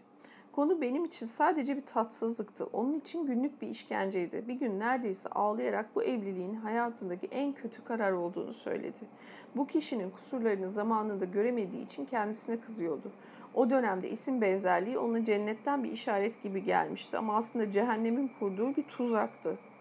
Ben evlilik konusunda açık gözlülüğün fazla bir işe yaramadığını, bunun gözleri bağlı çekilen bir piyango olduğunu ve doğru veya yanlış numaranın çekildiğinin ancak sonradan anlaşıldığını söyleyerek onu avutmaya çalışıyordum. Bunu sadece avutmak için de söylemiyordum. Samimi olarak böyle düşünüyorum. Düğünden önce damatla gelinin hiç karşılaşmadığı, hayatlarını birleştirmeden önce baş başa kalma imkanını bile bulamadıkları geleneksel çevrelerde evlilik yemek sonunda ikram edilen Çin kurabiyelerine benzer. Birini tesadüfen seçersin, içindeki kağıdı açarsın, o da sana geleceğini söyler. Daha gelişmiş çevrelerde tanışılır, kağıt üstünde birbirinin değerini ölçme fırsatı vardır. Ama fiiliyatta hemen hemen aynı ölçüde yanılma payı bulunur. Çünkü evlilik belalı bir kurumdur. Yaklaşık çeyrek yüzyıldır sevdiğim ve beni seven bir kadınla yaşadığım için bunları söylemek belki bana düşmez. Ama evliliğin belalı bir kurum olduğuna inanmaya devam ediyorum. Düğünden önce her adam dikkatlidir, naziktir. Göz koydukları genç kıza kendi karıları oluncaya kadar prenses gibi davranırlar. Sonra hızla birer zorbaya dönüşürler. Ona hizmetçi gibi davranırlar. Tepeden tırnağa değişirler ve toplum daha bu konuda toplum da bu konuda onları yüreklendirir. Düğünden öncesi oyun mevsimidir. Sonra ciddi ve karanlık, üzücü şeyler başlar. Kadınlar tarafında da manzara daha parlak değildir. Kapılanacak bir yer aradıkları sürece şeker gibidirler. Tatlı, uzlaşmadı, uzlaşmacı, birlikte yaşamaktan zevk alınacak insanlar olurlar. Damat adayı evlenme kararını verinceye kadar onu rahatlatmak için gereken her şey yapılır. Kadınlar o anı dek gizlemeye çalıştıkları gerçek tabiatlarını ancak düğünden sonra açığa çıkarırlar. Kadınlardaki dönüşümün erkeklerdeki kadar kaba ve sistemli olmaması onları bir nebze aklar. Halbuki erkek tarafında sevgili ile koca arasındaki fark köpek ve kurt arasındaki kadar büyüktür. Düğünden önce hepimizde biraz köpeklik, düğünden sonra ise kurtluk vardır. Başkalaşım farklı derecelerde gerçekleşir belki ama ondan tamamen kurtulmak çok zordur. Bazı çevreler açısından bu dönüşüm ergenlikten yetişkinliğe geçiş kadar doğal kabul edilir. Kadınlarda geçiş bu kadar keskin olmaz. Ya gerçekten sevgi dolu ya da kötü oyuncu olduklarından ötürü pek çok kadın köklü bir değişim geçirmez ve gerçek tabiatını erkek söz kesmeden önce ele verir. Ramzi'nin karısı kesinlikle bu kategoriye dahil değildi.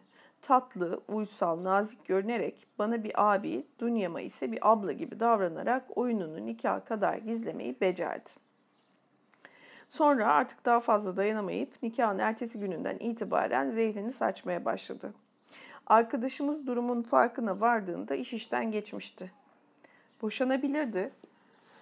Yapması gereken buydu. Aynı aksilik benim başıma gelse mutlaka boşanırdım. Ama siz Hristiyanlarda boşanmanın bizdekinden daha karmaşık bir mesele olması bir yana Ramzi buna ilkesel olarak karşıydı. Bunu birçok kez konuştuk. Karısının değişeceği fikrine tutunmayı tercih ediyordu.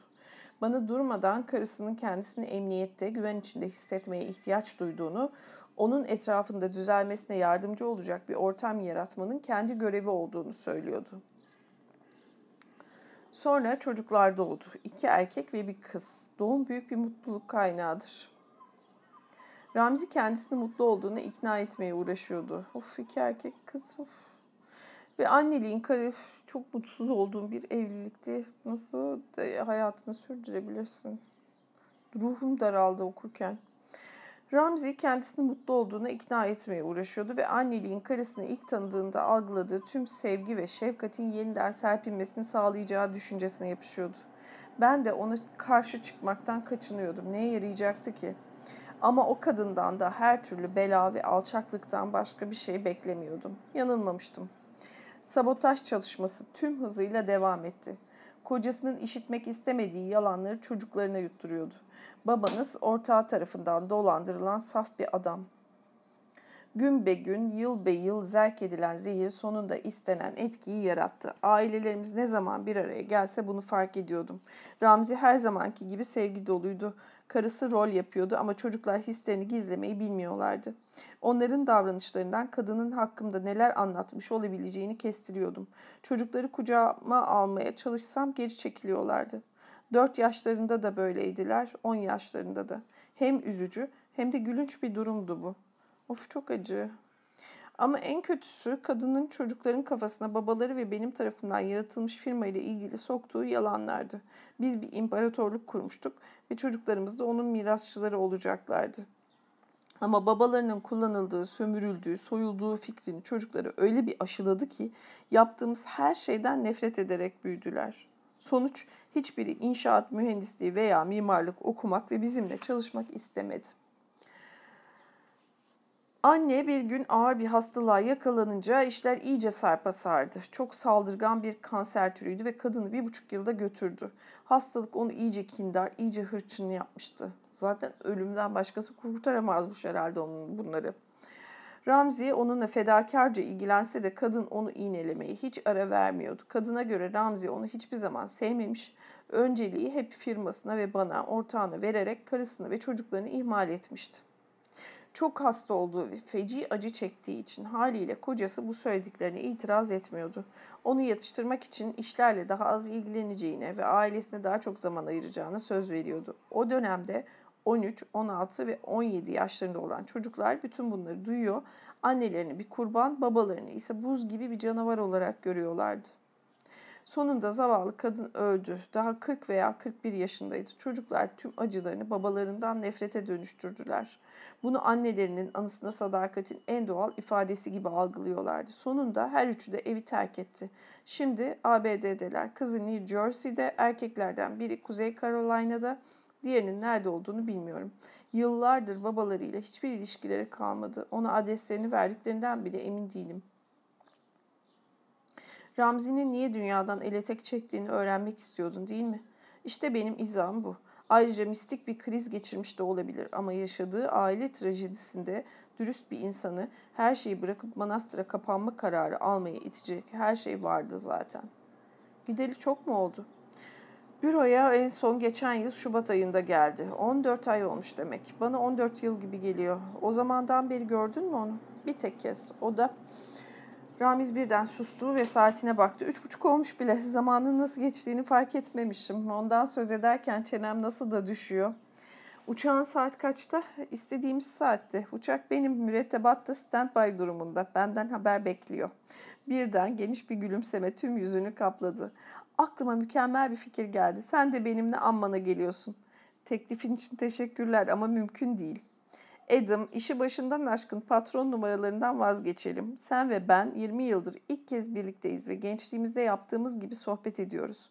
Kutsanmış bir an bu. Elimizden kaçıp gitmesine izin vermeyelim. Senin daha söyleyecek bin bir şeyin vardır. Benim de öyle. Eskiden olduğu gibi yapalım. Randevu almaya, ajandaları açıp bakmaya gerek yoktu. Sen balkonun altından geçerdin, korna çalardın, ben inerdim. Ya kahveye ya sinemaya ya da Muratlara giderdik. Bir seferlik kuralları unutalım, yaşlarımızı unutalım. O zamanki gibi yapalım. Şimdi öğle yemeğindeyiz. Yemeğin sonunda ben sana, bana gel, geceyi birlikte geçirelim, sana karımı tanıştırayım, yarın da buraya geri getiririm diyorum. Ayağa kalkıyorum, sen de kalkıyorsun ve hop gidiyoruz. Pasaportun yanında mı? Alışkanlık oldu, hep cebimde taşıyorum. Peki akşam alman gereken ilaçlar var mı? Adam baktı, ilaçları yanındaydı. Ramiz mükemmel. Geri kalanın önemi yok zaten diye kestirip attı. Gidebiliriz. Ya çok iyi. Akşam alman gereken ilaçlar var mı ile yaşları direkt hop diye ortaya çıkıyor. İşte e, edebiyatın gücü işte güçlü kalemse e, bunu böyle çok bağırmadan küçük küçük göstererek e, yapmak ya başarılı olan. Akşam alacağın ilaçların yanında mı? Akşam alman gereken ilaçlar var mı? Bu kadar basit işte. Zekice. Evet devam. Yani çok küçük bir şey ama böyle küçük şeyler o zeka arkasındaki o ne kadar uğraştığını tahmin edebiliyorum bunları bir araya getirip kurgularken. Çok etkileyici geliyor. Devam. Ama yanımda ne temiz gömlek ne de diş fırçam var. Onu hiç kafaya takma ben hallederim. Hadi gidelim. Bu sözlerin ardından iki elini masaya dayayıp ayağa kalktı. Adamın uçağı var temiz gömlek ve diş fırçası diyorsun Edim ya. Bu sözlerin ardından iki elini masaya dayayıp ayağa kalktı ve Adam da 3 saniye sonra onu izledi. 6. bölüm Uzaktan bakıldığında Ramiz'in uçağı normal bir hava yolları uçağını andırıyordu. Metalik renkli Mercedes havaalanının tüm kontrol noktalarını geçip merdivenin dibine kadar yanaştı. Uçağın üzerinde şirketin logosu vardı. Dünyanın bu bölümündeki en büyük inşaat şirketlerinden biri olan Ramzi Ramez Works'ün iki kurucusunun adlarının Arapçadaki baş harflerinin stilize şekli olan çift hilal. Ramzi Ramez Works. İçeride pencereler olmasa insan uçakta olduğunu çok geçmeden unuturdu. Bir çalışma odası, bir yatak odası ve kolayca yemek salonuna dönüştürülebilen bir oturma salonu vardı. Olası yolcular için ayrılmış ve normal bir hava yolları uçağında 60 kişi yerleştirilebilecek bölüme 20 yolcu koltuğu konmuştu. İki arkadaş yerlerine oturur oturmaz bir güvenlik subayı uçağa bindi. Pasaportlarına hızla göz attı, başını salladı ve iyi yolculuklar diledi. Sonra aşağı indi, uçağın kapısı kapandı. Bir kabin görevlisi yolcuların kemerlerini bağlayıp bağlayamadıklarını denetlemeye geldi. Daha sonra patronunun işaretiyle iki Türk kahvesi ve beraberinde bir tepsi doğu şekerlemesi getirdi. Kahveni şeker ister misin? Adam cevap vermeden önce gözlerini şekerleme tepsisine dikip uzun uzun baktı. Hayır, teşekkür ederim, şeker almayayım. Sahte bir suçluluk ifadesiyle birbirlerine gülümsediler. Her biri seçtiği şekerlemeyi dilinin üzerine yerleştirip koltuğuna gömülerek tadını çıkardı. Şeker almayalım diye yineledi Ramiz keyifle gülerek. Adam son lokmasını da yuttuktan sonra arkadaşına insan zengin olunca neler hissediyor diye sordu. Sen de yoksul değilsin bildiğim kadarıyla. Hayır yoksul değilim ama profesör maaşımla Paris Amman uçak biletini ancak turistik sınıfta alabilirim. Dikkat et şikayetçi değilim. İhtiyaçlarımı karşılayabiliyorum. Fazlasını da istemiyorum. Ama seçtiğim meslek gereği zaten asla zengin olamam. Ramiz bu noktaya dek belki bir parça rahatsız da olsa gülümsemekle yetinmişti ama birden yüzü karardı. Arkadaşının sorusunu soru biçiminde tonlamadan yinelemeye başladı. İnsan zengin olunca neler hissediyor? Firmamızın iddiasını başardığını, giderek daha çok para kazanmaya başladığını ve artık zengin olduğumu anladığım gün şöyle hissettim. Seçeceği kelimeler konusunda tereddüt eder gibiydi. Haysiyetimin yarısını kurtardığımı hissettim. Anlaşılmaz ve beklenmedik bir cümleydi. Adam tam ondan düşüncesini biraz daha açmasını istemeye hazırlanıyordu ki arkadaşının birdenbire çok duygulandığını fark etti ve ona kendini toparlaması için biraz zaman bırakmaya karar verdi. Ramiz birkaç yudum kahve içtikten sonra konuştu.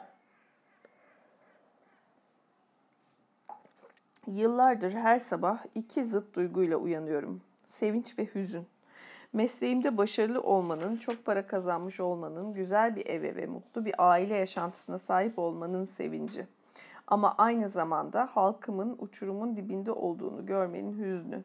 Benim dilimi konuşanlar, dinime inananlar her yerde gözden düştüler ve genellikle onlardan nefret ediliyor. Ben doğuştan mağlup bir medeniyete aidim ve eğer kendimi inkar etmeyeceksem alnımda bu lekeyle yaşamaya mahkumum. Hmm. Evet. Ortak duygu çok ortak duygu.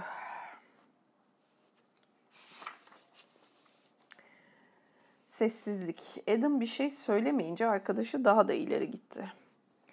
Söz konusu olan sadece ait olduğum toplulukla dayanışma veya empati duygusu değil. Ben kendimi de aşağılanmış, bizzat aşağılanmış hissediyorum. Avrupa'ya seyahat ettiğimde tüm zengin insanları yapıldığı gibi bana da saygılı davranıyor, davranılıyor. İnsanlar bana gülümsüyor, kapıları eğilerek, eğilerek açıyorlar. Satın almak istediğim her şeyi satıyorlar. Ama içlerinden beni aşağılıyor ve benden nefret ediyorlar. Onların gözünde zengin olmuş bir barbardan başka bir şey değilim. Sırtımda en güzel İtalyan kostümü de olsa manevi bakımdan onların gözünde bir baldırı çıplağım. Niçin? Çünkü yenilmiş bir halka, mağlup bir medeniyete aidim. Tarihin pek esirgemediği Asya, Afrika veya Latin Amerika'da bunu çok daha az hissediyorum ama Avrupa'da hissediyorum. Sen hissetmiyor musun? Edim hazırlıksız yakalanmıştı. Fazla bozuntuya vermeden belki bazen dedi. Tavşan bokusun yine Edim. Paris'te kamuya açık bir alanda Arapça konuşurken kendiliğinden sesini alçaltma eğilimi duymuyor musun? Kuşkusuz. Bir de diğer yabancılara bak. İngilizlerle Amerikalıları bir kenara bırak. İtalyanlara, İspanyollara, Ruslara bak. Onlar düşmanca veya ayıplayan bir bakışta karşılaşma korkusu yaşamıyorlar. Belki de ben abartıyorum. Ama hissettiğim bu. Dünyanın en zengin adamı da olsam bu değişmez. Yine uzun bir sessizlik. Ramiz pencereden bulutları seyrediyordu. Adam da seyretmeye başladı. Kabin görevlisi yaklaştı. Patronunun bir işaretiyle şekerleme tepsisini alıp götürdü ve birkaç saniye sonra bir meyve tepsisiyle geldi. Ramiz biraz böbürlenerek bu beyaz kayısıları biliyor musun diye sordu. En etlilerinden birini seçti. Meyvenin rengi o kadar açık bir sarıydı ki gerçekten de beyaz gibi görünüyordu. Adam kendisine uzatılan kayısıyı yavaşça gözlerini yumarak ısırdı. Nefis, daha önce hiç yememiştim. O kadar az yetişiyor ki asla piyasaya sürülmüyor. Bana Şam yakınındaki küçük bir köyden özel olarak geliyor. Böyle bir tadım varlığından bile haberdar değildim. Beğendiğine sevindim. Benim en sevdiğim meyve. Ramzi de çıldırıyordu bunlara. Her yıl ona iki sandık göndermeyi adet edinmiştim. Bundan böyle sana göndereceğim. İbadet eder gibi sulu meyvelerden birer tane daha yediler. Sonra birer tane daha. Ama kaybettikleri arkadaşlarının anısı keyiflerini kaçırmıştı. Bir süre sonra Adam, demek gidip gördün onu dedi. Ramiz'in cevabı uzun bir iç çekişle geldi. Ardından defalarca başını salladı. Evet, gidip gördüm. Sağlam kanıtlar ileri sürersem onu geri dönmeye ikna edebileceğimden emindim. Arkadaşlığımız birçoklarının aksine suskunluk, yalan veya körlük üzerine kurulu değildi. Çok güzel. Arkadaşlığımız birçoklarının aksine suskunluk, yalan veya körlük üzerine kurulu değildi.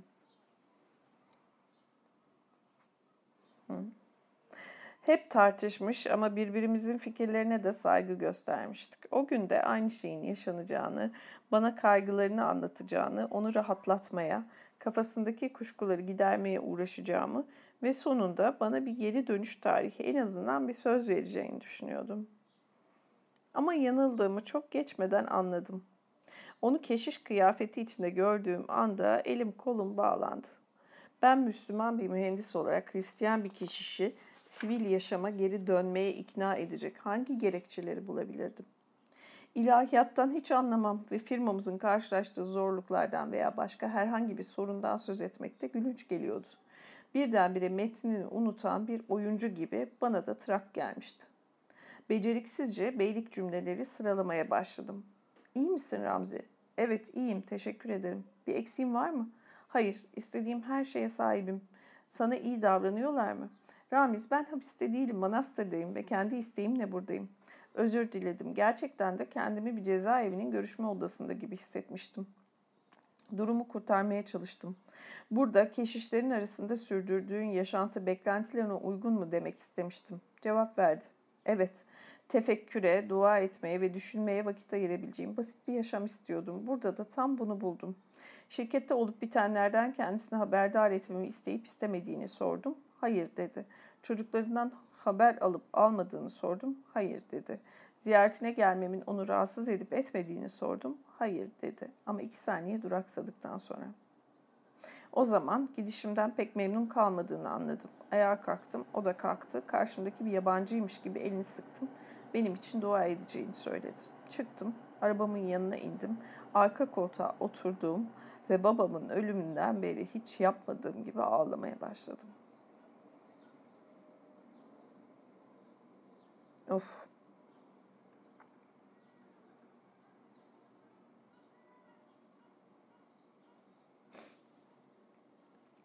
Şoförüm dikiz aynasından bana bakıyordu ama onun ne düşündüğü umurumda bile değildi. Kendimi tutmadım, gözyaşlarımın akmasına engel olmadım. Ramzi benim için kardeşten daha ileriydi ve birdenbire hiçbir sebep yokken bir yabancı olmuştu. İşte bir zamanlar ayrılmaz ikili denen adamların hüzünlü hikayesi böyle.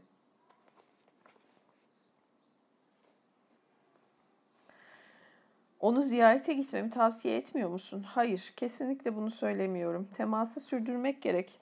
Benim karşımda tetikteydi. Onu önceki yaşamına geri döndürmek için baskı yapacağımdan korkuyordu. Üstelik bu Dönüşümünden hemen sonraydı. Çok erken de daha. Biraz beklesem daha iyi ederdim. Şimdi aradan bir yıl geçti. Belki bir arkadaşını görmek isteyecektir. Önümüzdeki günlerde oraya gitmeye gayret edeceğim. Aslında kafamda bir tasarı var. Sana tam bundan söz edecektim ki konuşma başka yerlere kaydı. Eski arkadaşlar arasında bir buluşma toplantısı düzenlemeye çalışıyorum. Ramiz koltuğundan sıçradı. Ne harika bir fikir. Çok uzun zamandır bunu düşünüyorum. O akşam toplantılarında kendimi öyle iyi hissederdim ki tartışmalarımızı, gülüşmelerimizi hala hatırlıyorum. Grup dağılıp gidince başka hiçbir şeyle avunamadım. Bir arkadaş grubunun sıcaklığının yerine hiçbir şey alamaz. Ne iş, ne para, ne aile yaşamı, hiçbir şey. Arkadaşların buluşup fikirlerini, düşlerini, yemeklerini paylaştıkları o anların yerini hiçbir şey tutamaz. Her halükarda benim buna ihtiyacım var. Ben belki iflah olmaz bir nostaljiyim. Ruhumda yetişkinler dünyasını asla kabullenemeyen bir çocuk var. Ama böyleyim işte. Ramzi ile birlikte aradığımız buydu zaten. Yaşamın her evresinde devam edecek ve hem iş yaşamında hem özel yaşamda var olacak bir gençlik arkadaşlığı. Buna yıllarca sahip olduk ve çok faydasını gördük. Sonra yitirdik. Yüzü yeniden kararmaya başladı ama kendini çabuk toparladı. Bana güveneceğimi söylememe bile gerek yok. Toplantının yerini ve tarihini bildirmen yeterli. Gelirim.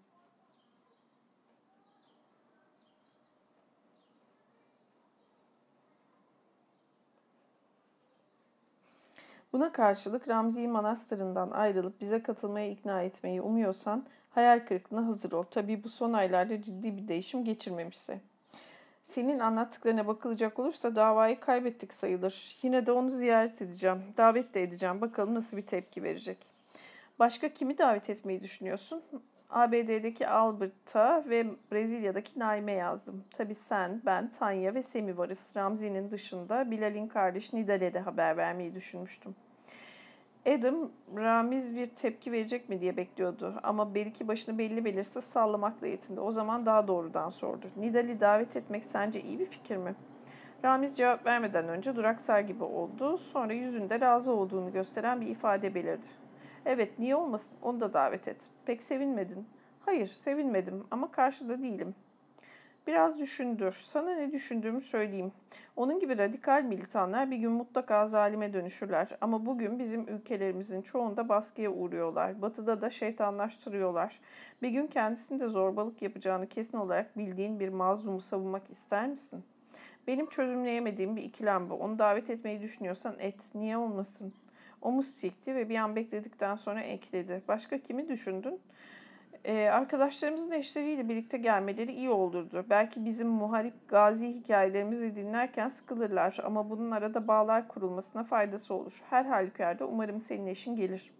Amman'a vardığımızda onu davet etme işini sana bırakıyorum. Çok sevineceğine eminim. Eşim Dolares'in bize katılabileceğini ben o kadar Eşim Dolares'in bize katılabileceğini ben o kadar emin değilim. Sabahtan akşama çalışıyor. Fransız mı? Hayır, Arjantinli ama 20 yıldır Fransa'da yaşıyor. Naim de bir Brezilyalı, Brezilya, Brezilya, Naim de bir Brezilyalı ile evlenmiştir herhalde. Hiçbir fikrim yok. Evlendiğini ve üniversite çağında çocukları olduğunu biliyorum ama karısının kim olduğunu hiç bilmiyorum. Adını söylemişse bile aklımda tutamadım. Ne söylediğinin farkında mısın? Sen ve Naim kardeş gibiydiniz ve bugün karısının adını bile bilmiyorsun. Bu sabaha kadar benim karımın adını da bilmiyordum. Ben de seninkinin.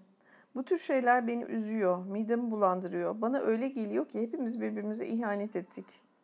Haklısın ama savaş ve dört bir tarafa dağılma gibi mazeretlerimiz var. Her zaman mazeret bulunur. Arkadaşla azıcık değer verseydik, geçen çeyrek yüzyılda bir araya gelmek için fırsat yaratmaya çalışırdık. Ben başkalarını değil kendimi ayıplıyorum. Hiç durmadan dünyayı dolaşıyorum. Pekala bir yer küre üzerine arkadaşlarımın adlarının yazılı olduğu iğneler yerleştirip çeşitli yolculuklar sırasında onlara uğrayabilirdim. Hadi bakalım yapacağım bunu. Hiçbir zaman geç kalınmış sayılmaz. Sen Paris'tesin. Naim Brezilya'da, Sao Paulo'da mı? Rio'da mı? Sao Paulo'da. Peki, peki Albert Indianapolis'te bir think tank için çalışıyor. Şimdi sen söyleyince hatırladım. Bana bunu anlatmışlardı. Bayağı da nüfus sahibiymiş. Olabilir. Her halükarda akademik çevrelerde büyük itibarı var. Şaşırmadım. Daha üniversitedeyken de aklı başında zeki ve hayal gücü kuvvetli bir insandı.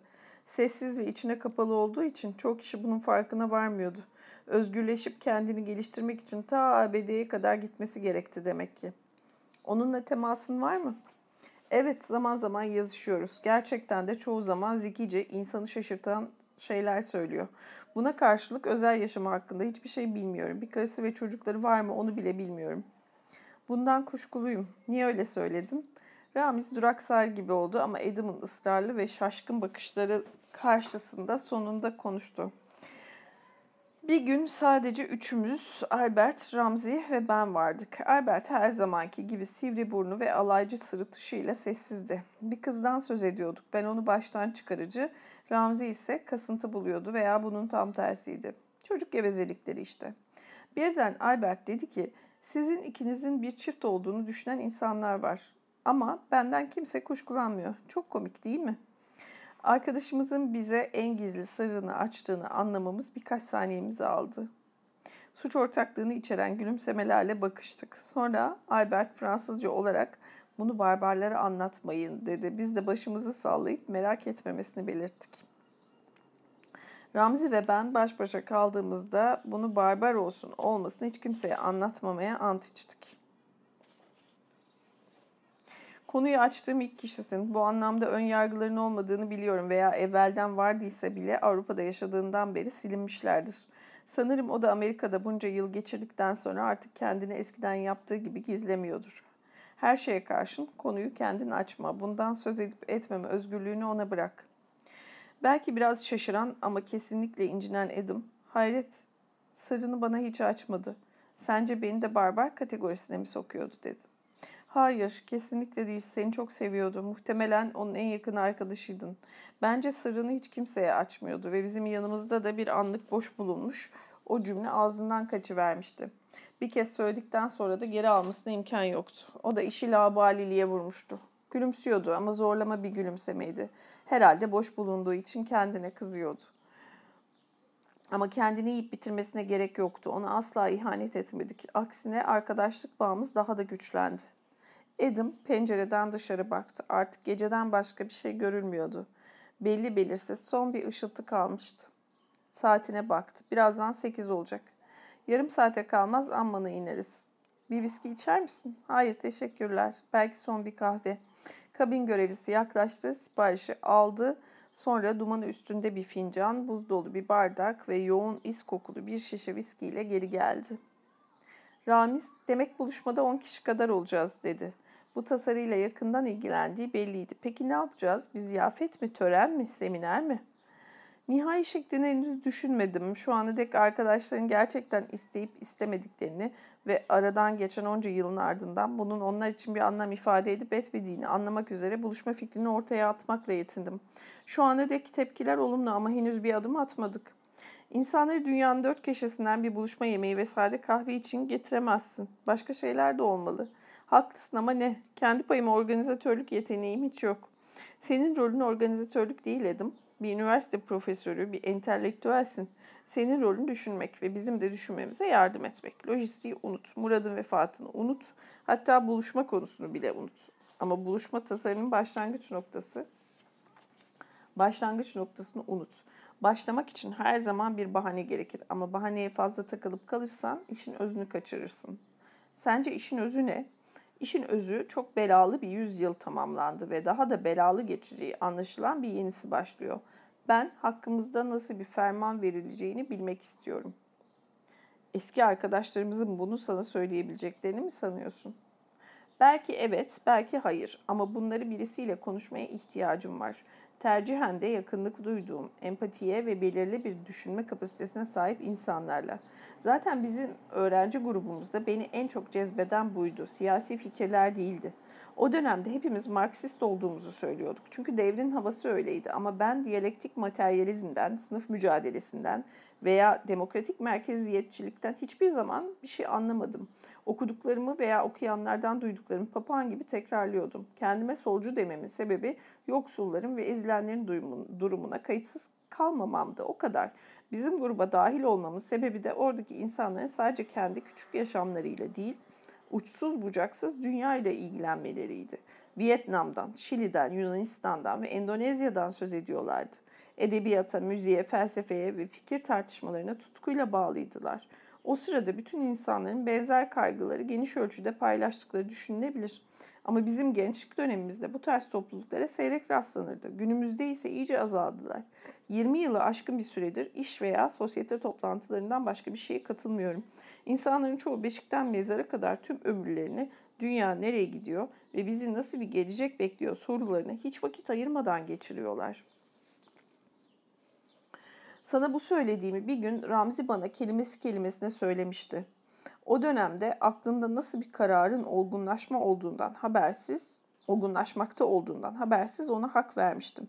Ben dünyadan asla kendi isteğimle ele tek çekmem. Alt üstlükler beni ürkütmekten çok büyülüyor. Ama en azından bir noktada onunla tamamen aynı fikirdeyim. Öze ilişkin soruları sorabilmek için bazen günlük hayatın üzerine çıkmak gerek.''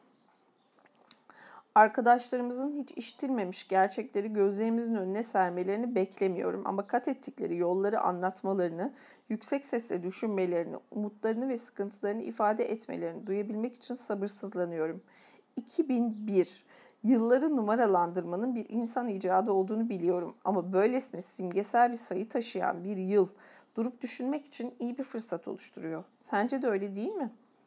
Adam'ın yüzüne geniş bir gülümseme yayıldı. Arkadaşı ona kuşku dolu bir bakış attı.